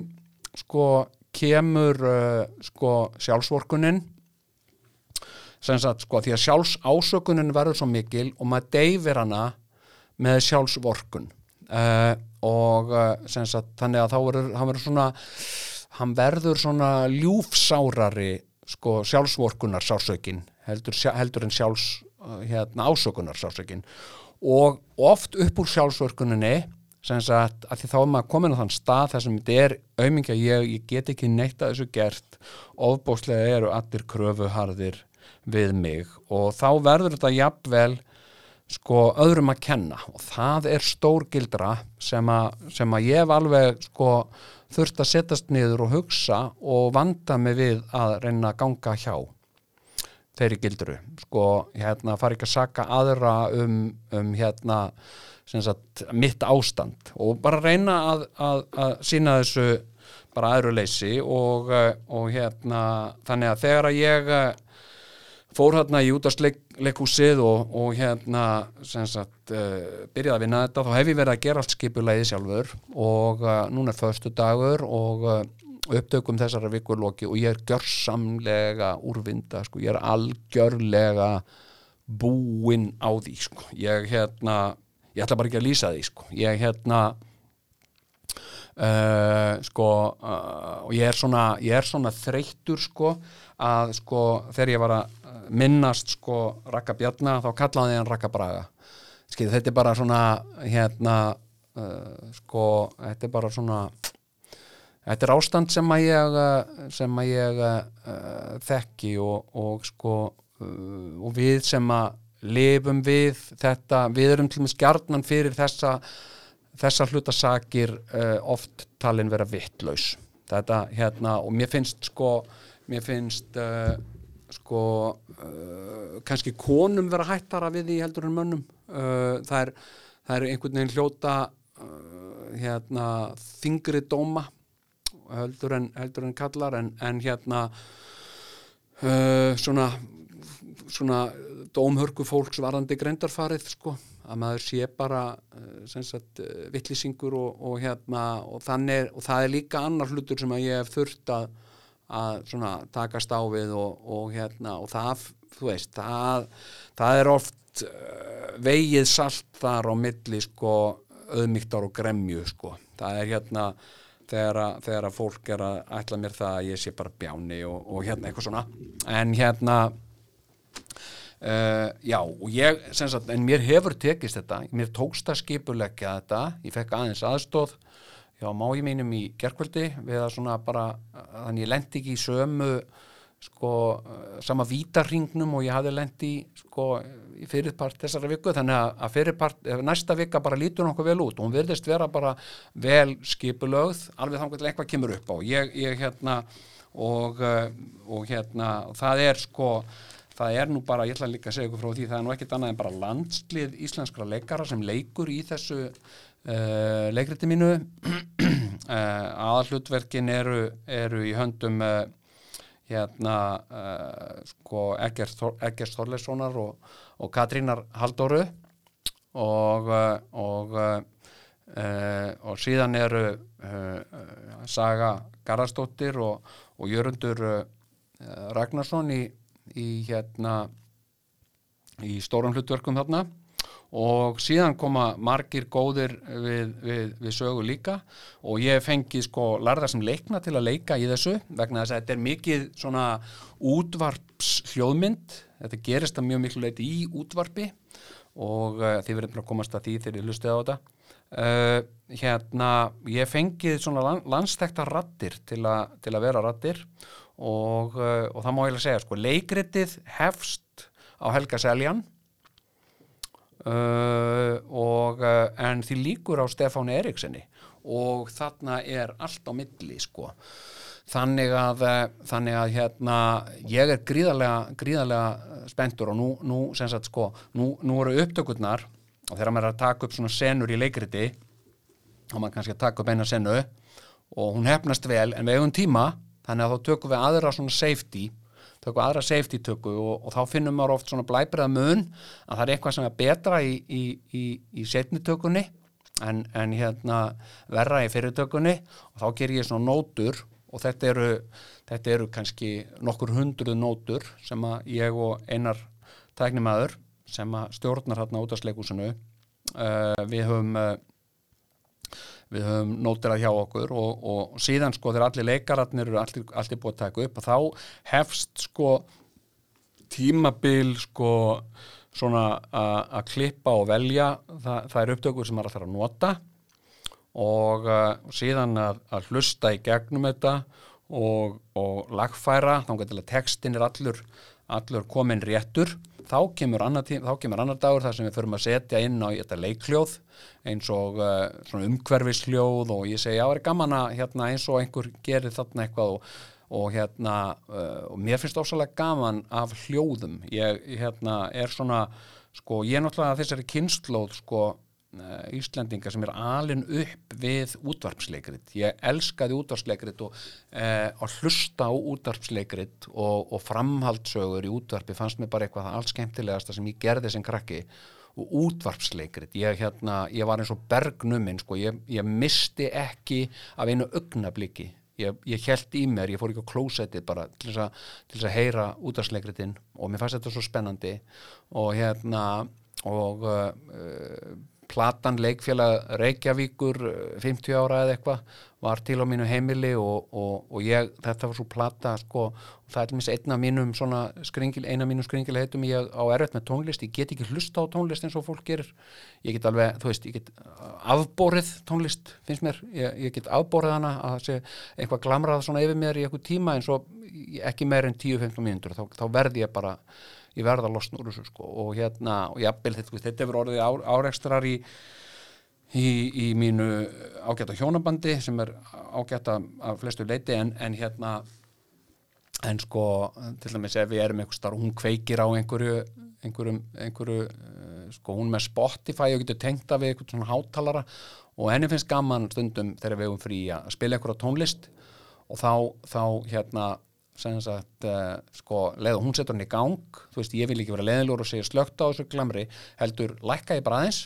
lappa svona fram hjá þessu, lækka aðeins á hún sem tekja eftir í og sérstaklega ef hún fer inn í eldús þá stekki ég og lækka aðeins bara um eitt stygg hérna, og svo lækka ég svona smátt og smátt þángar til að tónlistin heyrist valla og, og ef hún tekur eftir þessu og hækkar uh, þá bara heldur samileikurinn áfram. Og gjarnan ef hún sem sagt uh, fer út, fer til mér í þvottahús eða út með rustlið og klósett eða eitthvað, þá slekk ég bara á þessu. Hérna, uh, og, og ég gerði það í símanum hennar og hérna þá bara eins og playlistin eh, sé búinn og hún jafnvel, tekur ekki eftir því þegar hún kemur tilbaka og fer jafnvel að gera eitthvað annað eða síminn ringir eitthvað. Og, og hérna ég bara, ég sko hérna get ekki alveg, alveg, alveg tónlist. En en hérna uh, sko ég þarf að uh, velja ákveðna, ákveðna tónlist þarna í, í hérna í leikritið og, og, og munstra þessu saman. Og, og hérna en, en ég get sko já á þessu hérna leikfélags Reykjavíkblödu þá var eiginlega engin tónlist, þetta voru bara talamál og leikrit og ég dyrkaði þetta, bara uppáhaldsleikritið mitt þegar ég var 8 ára var Dúbnaveislan, Dúbnaveislan eftir Haldur Lagsnes, sko. ég hef aldrei heyrt ég hef stórkoslegt uh, leikrit og, og hérna uh, Koppalogn fannst mér líka fínt og, og hérna og svona flest uh, hérna, leikritin hérna nema fjallaeyfundur, mér fannst það voða, voða svona eitthvað mér fannst það ekki, mér fannst uh, sko, mér fannst dúbnaveislan bara svo ókvæslega fyndin sko, og uh, skemmtilega gerð og hérna en, uh, vá. Ok, ég ætlaði að hafa smá ingang ég ætlaði að hafa þetta klukkutíma langan þátt og ég ætlaði að hafa smá ingang uh, en hérna, svo ætlaði ég að demba mér í bændablaðið og en við erum komin vel fram yfir það. Ég er náttúrulega búin að, röfla hérna um allt og ekkert uh, en ég er hérna með uh, spánýtt uh, bændablað fyrir fram mig og forsíðinu er hérna nýkjörin uh, stjórn og formaður nýstjórn og nýrformaður bændasamtakana og þetta, eru, þetta er stórviðburður uh, í bændasamfélags heimum uh, og uh, og það eru sagt, áherslu breytingar og, og ég er nú búin að vera að lesa sko, svona frá þessu, þessu nýja afstæðana búnaðarþingi, ég er búin að vera að lesa svona hérna það sem að hefur verið að verið, sem að fólk hefur verið að ræða um og margt mjög aðtilsvært þarna. Sko hérna uh, sko uh, eins og þessi áhersla sko á uh, sagt, ímynd bænda, ímynd sko búskapar og uh, og hérna uh, sko já, þetta er, þetta er bara ímyndarmál sko uh, að það þarf sko hérna sko það var rætt um það þarna á búin að þingjuna það væri, það þyrti að uppgreita svolítið ímynd íslenskra bænda og, og það eru orðasönnu uh, hérna sko, og þetta er alveg þetta er, þetta er, mjög, þetta er mjög stór merkilegt hérna, sko, ég er nú búin að sko, uh, sko, ég er náttúrulega les bændablaði mér eina blaðið sem að ég fá og ég, þetta er bara einlega ekki það fyrir að með podcasti hér eða eitthvað svo leiðis uh, auðvitað hefur það einhvað að segja með það ég, en sko bændablaðið er eina blaðið sem að gefiður út á Íslandi í dag sem að ég get virkilega svona mist mig í. Skil, það er bara hérna uh, önnur blöð uh, gera það ekki. Bara ég, sagt, ég sé þau en ég finn enga sterka uh, kvöt í mér til þess að setja þau fyrir fram og fletta þeim, að ég veit einhvern veginn alveg hvað er í þeim. Mér, mér finnst það bara og svona, æg og mér finnst það oft uh, sko yfirborðslega umræða og einhvað sem að mér finnst ekki end, endilega erindi við mig sko og uh, og eitthvað svona hérna og reyna einhvern veginn að svona, þetta er oft svolítið svona æsifréttamennska og, og svona sensationalismi. Það er að reyna svona, svona upplaup, reyna að búa til eitthvað svona upplaup út af einhverju. Uh, og það er alltaf eitthvað svona, jájá, og ég hugsa oft svona, jájá, hvað er þessi upplaup vikunar, þá sé ég þá fórsýðu einhverja blaða um helgar gærnan, ó þetta er upplaup og svo, svo er öllum drullu saman með þetta uh, í næstu viku, því að komið nýtt upplaup eitthvað sem á að sem á að hérna uh, og það, það getur allt orðið að einhverju upplaupi uh, einhver sem að, gerðan einhver sem á eitthvað bátt það er alltaf gott í upplaup uh, og, og hérna og eitthvað svona, eitthvað ástand sem að, sem að allir vita hefur alltaf verið en, en hérna, en við höfum einhvern veginn ekki alveg einbeitt okkur að og það er að hlaupa upp með það. Það getur verið ástand eitthvað í samfélaginu og það getur verið fíknefni það getur verið uh, hérna fátækt eða ástandið á, ýmsum stopnunum eins og landsbítalunum eða, eða gamalt fólk eða börn, börn og gamalt fólk það er alltaf hægt að grýpa eitthvað í börn og gera eitthvað upplöp með börn sko hérna. Og uh, hérna Og, og það er að fá einhverja tölur, það er að fá alls konar tölur uh, hérna þaðan um einhvað sem hættar að nota í upplöp og ég, ég hef svo oft verið svona hluti af svona, ég hrifist með í einhverju svona upplöpi og, og hérna og svo hef ég fattat bara, æf, anskotin, þetta er bara upplöp, þetta er bara hérna, hérna, þetta er bara svona, uh, þetta er bara upplöp út af engu í rauninni sko. Og, og hérna, og upplaupið er heldur ekki einhvern svona svar við þessu, þetta er á sem miklu dýpir rættur en þetta og, þetta verður ekkert afgreitt með einhverju svona hysterísku upplaupi allt í einn út af einhverju. Og, og hérna og svo svona ímistlegt sem að í, í,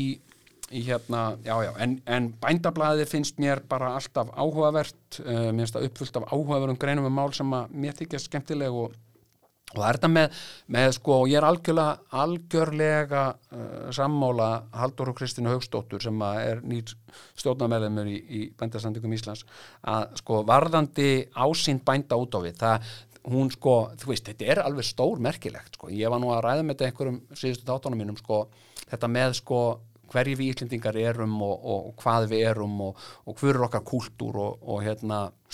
og uh, sko uh, hérna og ég var að tala um þetta um daginn sko það er það er, uh, það er valla til það íslenska karlmannsnafn sem ekki á sér einhverja íslenska sem kemur ekki fyrir í íslenskri svona sjómanavísu, einhverju sjómanalægi um uh, hetjur hafsins sem sigl út á, út á sjó og ber okkur björg, björg í bú. Uh, en, uh, en hérna en, en það er engin ég hef búin að leta og ég held ég geti vilja það er engin svona hetju óður til um uh, íslenska bóndan sem, sem, sem hérna hérna uh, hetjan sem, sem heldur upp á upp á heiðar til að til að, til að uh, sækja sko lambalæri sem er svo skellt fyrir framann okkur. Uh, hérna hvernig veðri sem er og, og, og hérna uh, það eru til einhverjar svona það eru til einhverjar svona vísur sem sungnar eru í réttum sko og, uh, og ég verð nú að fara í, í réttir næsta höst, ég verð nú að langt sinni fara í réttir. Uh, fara í, í, í Hrunamannreppin fara í reppina og fara í réttina þar. Uh, og ég er alveg gunnuður staðátum þar sko. Þannig bara það því að sagt og hérna þannig að hérna uh, þannig að ég, ég hérna er auðvitað að skella með réttir og, en ég sko en ímynd íslenskar bænda og hún er bara svolítið svona sko bændur sko eru eiginlega sko bara svona leigumílstjór út á landi. Ég meina uh, sko jöfna, sko það er eitthvað svona luragangur sem að, sem að mörgum finnst sko einhvern veginn vera ímynd bænda en, en sko svo þegar maður hittir bændur þá er þeir ekkert luralegir uh, hérna og uh, og þetta er bara ímyndin svona, og maður sér þetta stundum svona bæði, bæði sko í, í hérna náttúrulega kannski Haldur Lagsnes er kannski sá höfundur sem að hefur kannski séð best í gegnum þetta og búið til uh, raunverulegar uh, sko raunverulegar svona djúsi personur úr, úr, úr íslenskum, íslenskum bændum. Og hérna uh, en, en sko en yfirleitt eins og maður þegar bændur koma fyrir í, í hérna í, í sko kvikmyndum sjónvastáttum og svona þá, þá er það, það er svona oft bara svona einhver lúðar, svona lúða fólk eitthvað sem að, sem að er hérna uh, sem er alveg fyndið en, en hérna en ekki rétt sko og uh, og hérna, og ég held þetta byggja mjög mjög leiti, sko, ég, ég er búin að velta þessu mikið fyrir mér. Uh, með, með, með ímynd, sko, og ímynd okkar sem þjóðar sko, ímynd okkar sem þjóðar, sjálfs ímynd okkar er að svo miklu leiti byggð á ímyndun. Ímynd, við gerum ekki alveg greinamun á myndli ímyndar og ímyndunar. Uh, og þetta hefur svolítið með svona hugtakaskilning okkar og tungumálið okkar að gera. Uh, hérna, nú er ég að sko læti vaða hérna bara bladlaust að randa hér út í eitt. Uh, sko hérna okkur finnst eitthvað uh, sem er ekkert endilega rétt. Og ég hef svo oft séð þetta ég, ég, hérna, ég verði hópi Íslendinga og, og það sem útlendingar eru með og, og svo eru útlendingarnar að spurja okkur Íslendingan eitthvað hérna, já, hvernig er lífið á Íslandi og hérna þið á Íslandi, þið ljótið að borða rosa mikið fisk og allir bara, já, já, við borðum eiginlega bara fisk, segir fólk. Og ég veit alveg, með tölur sína það að Íslendingar borða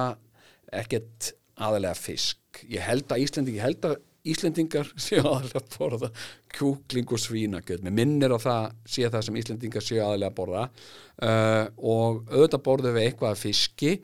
uh, en sko, uh, sko í samanbyrðu aðrar þjóðir þá held ég að við séum ekkit eitthvað uh, sko, þá, þá, þá fisk neistla hefur frekar verið á niðurleið. Einhvern veginn kannski hérna áður borðaði fólk meira fiski en sko Íslandingar hafa náttúrulega, við erum Ísland sko er náttúrulega að stopnunum til bændasamfélag og kannski er það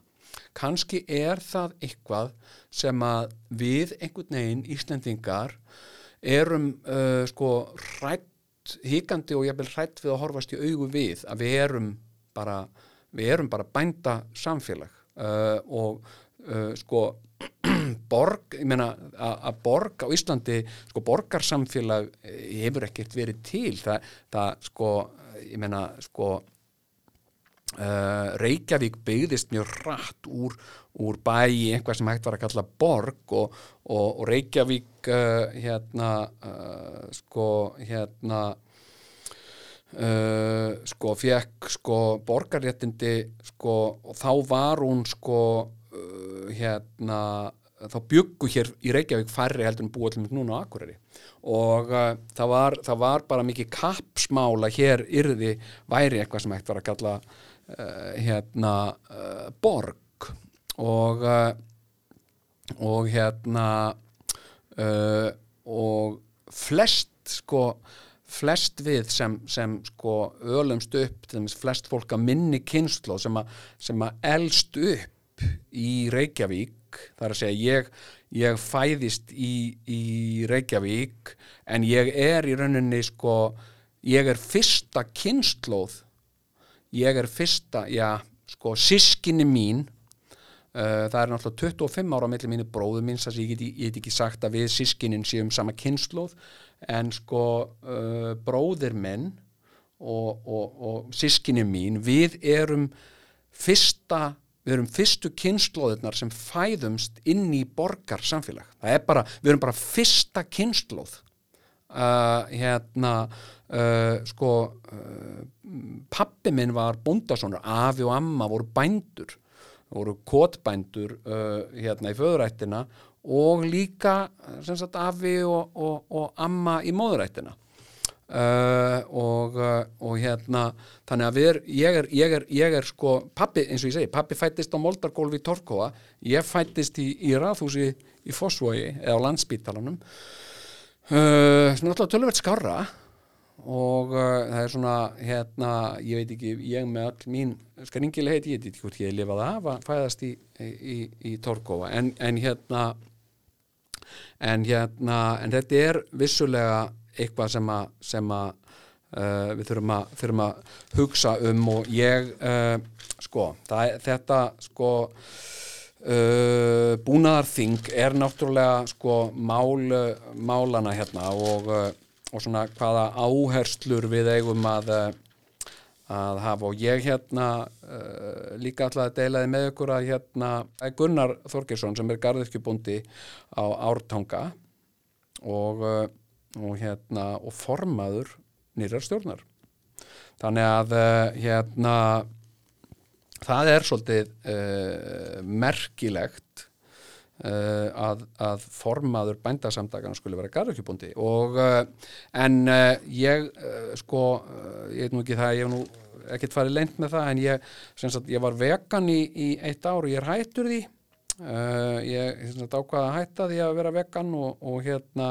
ég nenni nú ekki að fara út í það hér af hverju, ég hérna bara hérna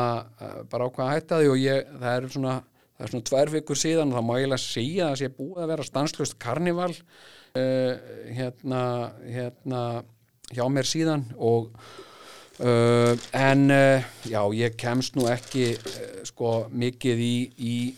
í blaðið að þessu sinni. Ég óska bara nýri stjórn og nýjum formann til hamingju óska þeim velfarnaðar velfarnaðar í sínum störfum og og hérna, en það var nú svona ímislegt sem að ég svona uh, hefði viljað uh, ræða og, og drepa á í blaðinu í dag en ég bara næði ekki uh, tímamarkana vegna. En mér langar að segja eitthvað frá einu. Hérna, sko, ég ég, hérna, ég búin að ég er oft, oft hugsað um um, uh, um þjóðsöngin okkar. Uh, hérna og sko uh, mér finnst uh, þjóðsöngurinn okkar uh, mér finnst hann bara vondur. Og, og, og er, þetta er náttúrulega uh, hérna uh, þetta, er, þetta er náttúrulega umdelt sko, sumum finnst þetta vond og, og öðrum finnst þetta hérna uh, hérna frábært. Og, ég segi, ég segi með hann þjóðsöng sko Uh, ég er búin að vera svona humman og, og við ímist tækifæri í, í, já, í svona 50 ára, halva öld. Uh, ég kann ekki textan í honum en þá, ég get ekki almennilega sungið hann vegna þess að hann er þannig, hann það flókið hérna hérna hérna, hann er þess að flókin einhvern veginn uppbyggður, hann fyrir alveg rö, langt niður rö, alveg hátt upp og, og hérna og það er mjög auðvelt að vera falskur Uh, og það gerir fólk það sérstaklega fólk sem kann textan mjög vel það kann ekki lægið, þannig að það syngur hátt og falskt uh, og hérna uh, og það er mjög kvimleitt hérna hérna og sko hérna og ég, ég aðeins búin að glugga þessa sögu með þjóðsöngin og, og hérna og mér skilst að þetta hafi verið þannig að hérna í eina tíð þá hafi eldgamla Ísafold uh, verið þjóðsöngur Íslands. Og hérna eldgamla Ísafold ástkæra fósturmold og, og fjallkonan fríð og þetta er svona þetta er svona, hérna, þetta er gott lag og, og þetta er svona grípandi og það er auðvelt að syngja þetta. Uh, maður getur verið ramfalskur en samt alveg haldið lagið uh, þessu sko og ef maður bara kann textan og syngur og kröftur og gefur í sko og hérna og, en síðan skilst mér og það hefur nú getið fyrir hátt með það en mér skilst á einhverju hátíð einhverju norrænu, norrætni hátíð sem haldin var einhver starf á, á Norrlöndunum og Íslandi var í fyrsta skipti bóðið sem sérstökur landi að vera með, ég veit ekki 1700 og súrkála eða eitthvað svo leiðis og, og hérna sem, en ekki sem bara hjálenda Danmerkur sko. Og þá hafi sagt, verið gripið til þessar ás að, að, sagt, og það var sagt, sko, þá var uh, hérna, eldgamla Ísafóld uh, gjarnan svona uh, sko talið vera þjóðsöngur Íslands og það væri ekki sagt, hefði ekki verið búið að ganga frá því með formlegun hætti en það voru við náttúrulega kannski ekki alveg orðið formlega land sko, sjálfstætt land, sjálfstætt ríki. Og, og hérna Uh, og það hafi stíðið þarna fram kórar, eða karlakórar sem sungu þjóðsönga hvers lands. Og þegar að koma í Íslandi og allir einhvern veginn fylgdust andagt og horðinuðu fyrir sig og þetta er alltaf svona hrifnæmt og fallegt uh, hástemt og fallegt segi og hérna, síðan þegar að koma í Íslandi og, og íslensku karlakór söng hérna eld gamla Ísafóld hérna ástkæra fósturmól og hérna og þá braust út einhver svona vandraðagangur í, í hérna í, í salnum og meðal áhörenda og, og, og eftir á, á kom einhver og talaði við fulltrúana frá Íslandi og sagði hérna, hérna uh, þetta er hérna þjóðsöngurinn ykkar og hérna uh, já og hérna þetta var, þetta var svolítið skrítið, já og ég vör við það, það var braust út einhver svona kleður og eitthvað, já þið, en þið vitið þetta er, þetta er breski þjóðsöngurinn. Ó, þá bara vissi fólk þetta ekki. Það var, þetta, útvarpið var ekkit komið þarna og, og hérna uh, og var, þetta er sem sagt eldgamla Ísafóld er sungið við, við lægið God Save the King eða God Save the Queen og, uh, og hérna og það gekk náttúrulega ekkit að vera með svoleiðis uh, þjóðsöng. Þannig að að þá var sko uh, þá var hent held ég. Og ég held að hafa voruð til þess að það var hent í þennan þjóðsöng. Og það var verkefni að búa til þjóðsöng sem væri alveg öruglega engum öðrum líkur og algjörlega einstakur. Og, uh, og hérna og þarna sagt, þá setjum við uppi með þetta með þetta, uh, þetta lag sem, að, sem að mér finnst afleitt. Og svo er þetta líka sko,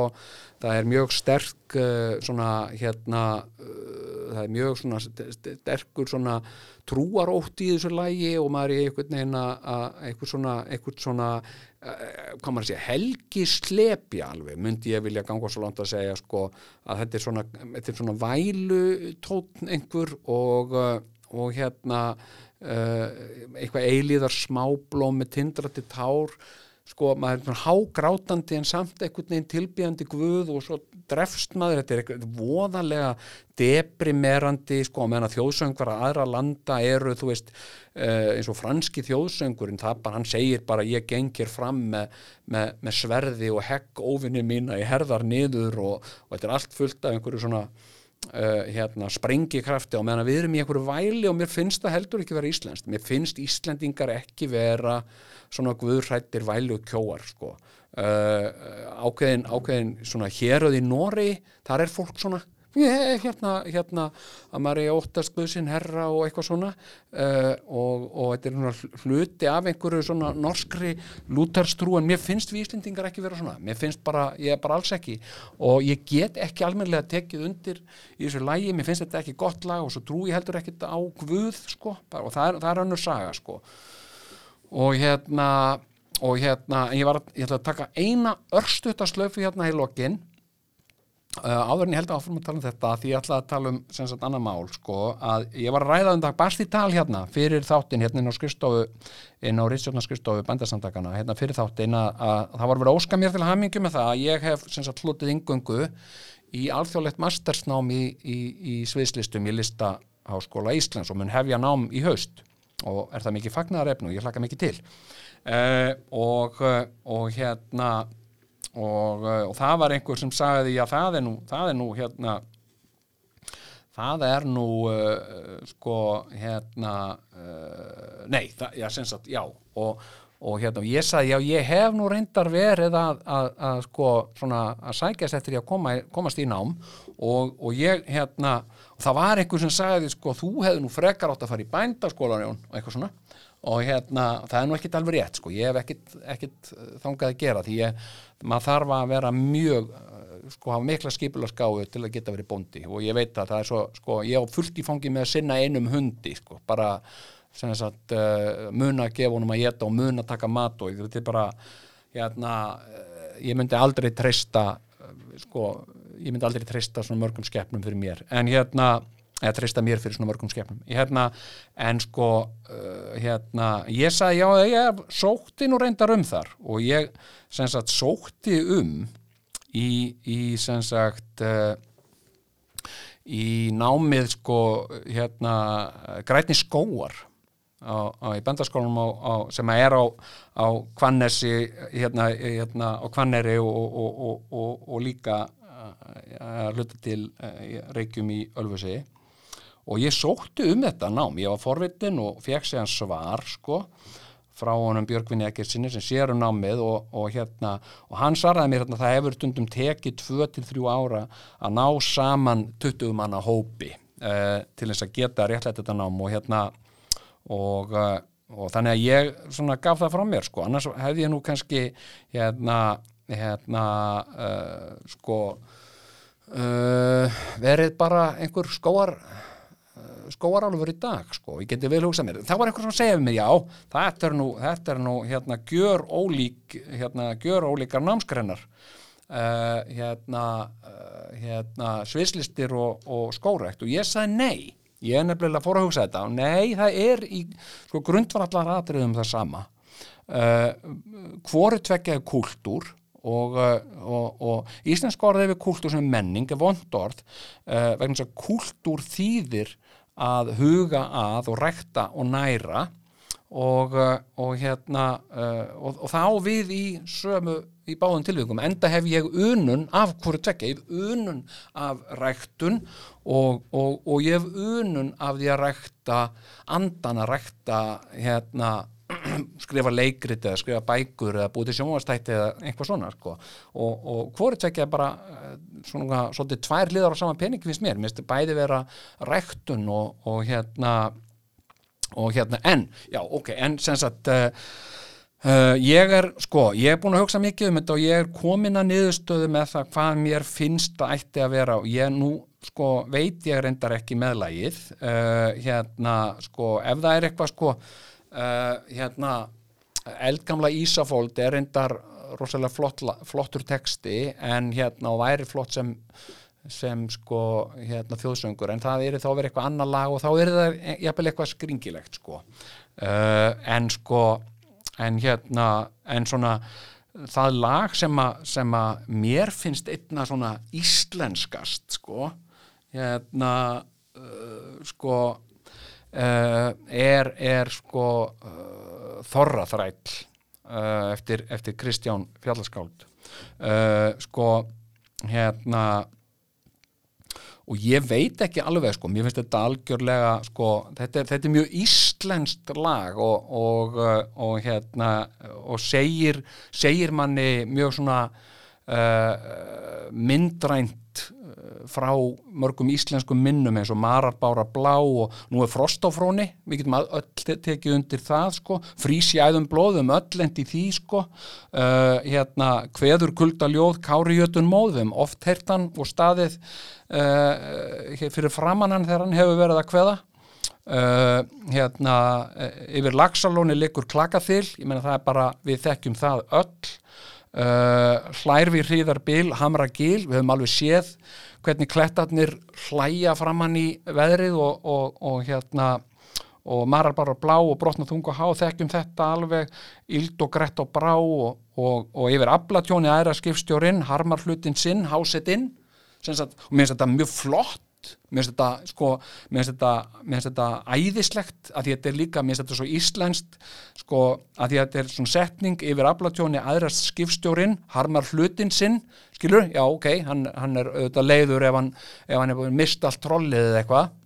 Og hérna verið að kalla inn með trollið inn og hérna, og að því að það er að gera haugasjó svo missir hann trollið og þá bara missir hann hlutin sinn og hann er ókýrslega leiður. En að henda inn bara hásetinn minnst það bara æðið þetta, þetta finnst mér, mér, mér þetta finnst mér íslenskt, mér línar um hjartaræðina því heyri svona, sko, jafnlatjóni aðra skipstjórin, harmar hlutin sinn, hásetinn þetta er bara svona rétt til að til að klára laglínuna eða eitthvað og ekki að fylla upp í laglínuna, en hérna og þannig er einmitt sko þannig er sko hugaða bondanum, horfir á heiaforðan hryggur búandin, mingar stappin minn, magnast harðindin, það á nú aldeilis við. Nú er hann enn á norðan, næðir kuldajél, yfir mó og mel, myrt sem hel. Og þetta er, þetta finnst mér að eitt að vera þjóðsöngurinn okkar. Takk fyrir, takk að þeim sem hlíti, hlítu góðar stundir. Velkomin í kaupfélagið. Já, hvað, hvað kostar þetta? Hvað viltu borga? kaupfélagið.